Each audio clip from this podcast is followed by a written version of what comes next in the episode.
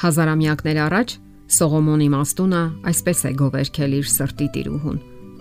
Ով գեղեցկագույնդ կանանց մեջ։ Այտերդ գեղեցիկ են գինդերով,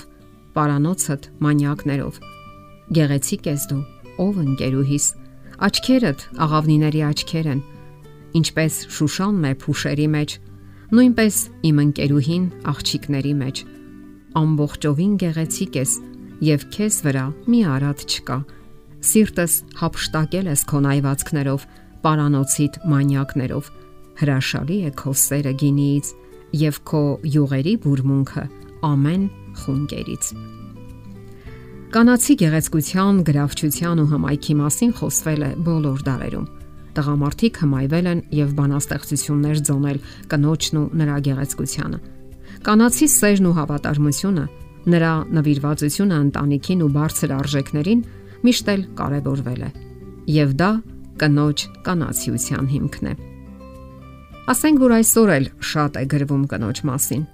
Տպագրական արդյունաբերությունները միլիոնավոր էջեր ու տողեր են նվիրում կնոջը, նրա հմայքի բացահայտմանը։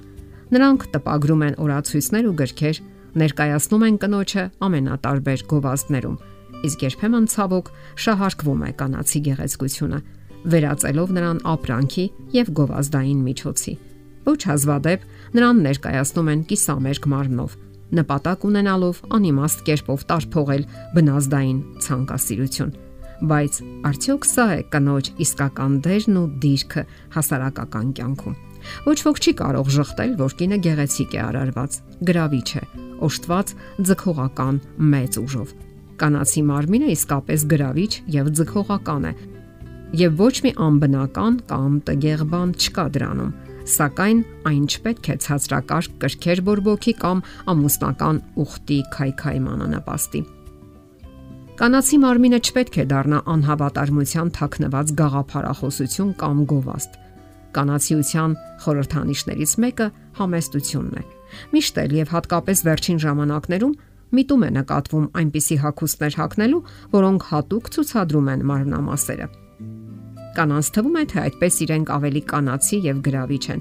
սակայն տղամարդիկ միանգամայն այլ կարծիք ունեն այդ մասին։ Ոչ մի բնականon տղամարդ չի հարգում այն կնոջը, որը հասարակության մեջ մերկացնում է իր մարմինը կամ ցուցադրում ներքնաշորերը։ Խաղաղակիրթ հասարակությունը միշտ էլ գնահատել է համեստությունը։ Հոկեբան Հելեն Անդելինը նաև նշում է. համեստությունը զուգակցվում է ինտելեկտի եւ առաքինության հետ ահա թե ինչը կարելի է շեշտադրել եւ այն երբեք ավելորդ ու կասկածելի մտքերի ու ցանկասիրության տեղիք չի տա։ Հիշենք. համեստություն, ինտելեկտ, առաքինություն։ Մեկ այլ շահարկումների առարկա է կանացի բնականon մղումը, սեր եւ հակառակ սերի մոտ պաշտպանություն գտնելու։ Եվ գտնելով այդ սերը, կինը ամրագրում է այն ամուսնական հարաբերությամբ։ Աստվածաշնչում կարդում ենք դեպի քո մարդը լինի քո փափագը։ Եվ կանայք բնական ձևով պաշտպանություն, հովանավորչություն եւ առավելապես սեր են որոնում ամուսնական հարաբերություններում։ Եվ Աստված այնպես է ստեղծել կնոջը, նրա կանացի էության մեջ մի այնպիսի խորթավոր ուժ է դրել, որը հնարավոր չէ հասկանալ մինչև վերջ։ Ոչ մի գաղտնիք չկա այն բանում, որ ցանկացած տարիքում տղամարդուն գրավում են կանայք։ Աչքերով տեսածի ու չտեսածի պակասը լրացնում է նրա երևակայությունը, կառուցելով այն, ինչը չի ունեցել անznական փորձառությամբ։ Այդ ամենը ճիշտ իր տեղում եւ իր ժամանակին։ Ցավոք այդ հրաշալի խորհուրդը եւ աստվածային ապարքևը հաճախ դառնում է ինքնանպատակ եւ վերածվում յուրատեսակ հոբբիի։ Այո, մարդկային հոգեբանությունը այնպես է արարված, որ նրան գրավում է հակառակ սեռը իսկ մեր կացած կանայք գեղեցիկ են, որովհետև նրանք հազվադեպ են ներկայանում մերկ տեսքով։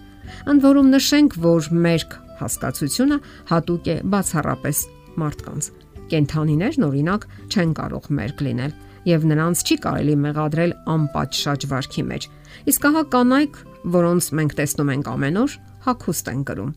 Նշանավոր բանաստեղծ Արթուր Ռեմբոն գթության քույրերը բանաստեղծության մեջ այսպիսի ձևակերպում է անում. Կինը կյանքի այդ կանչը, սերը, երկը մերձեցման։ Բանաստեղծի այս խոսքերը մտորելու տեղիք են տալիս Այն եւ տարօրինակ եւ միևնույն ժամանակ օգտակար է։ Տղամարդիկ դա զգում են իրենց մեջ, սակայն երբեք բարձրաձայն չեն ասում այդ մասին։ Եվ պատահական չէ, որ բանաստեղծներն ու արցակագիրները իրենց ստեղծագործություններում այդքան տողեր են նվիրաբերում կնոջն ու նրա կանացիությանը։ Նրանք գովերքում են կանացի սերը, նրա հրաշալի ազդեցությունը մտքի ու հոգու վրա։ Իսկ ամբողջ գաղտնիքն այն է,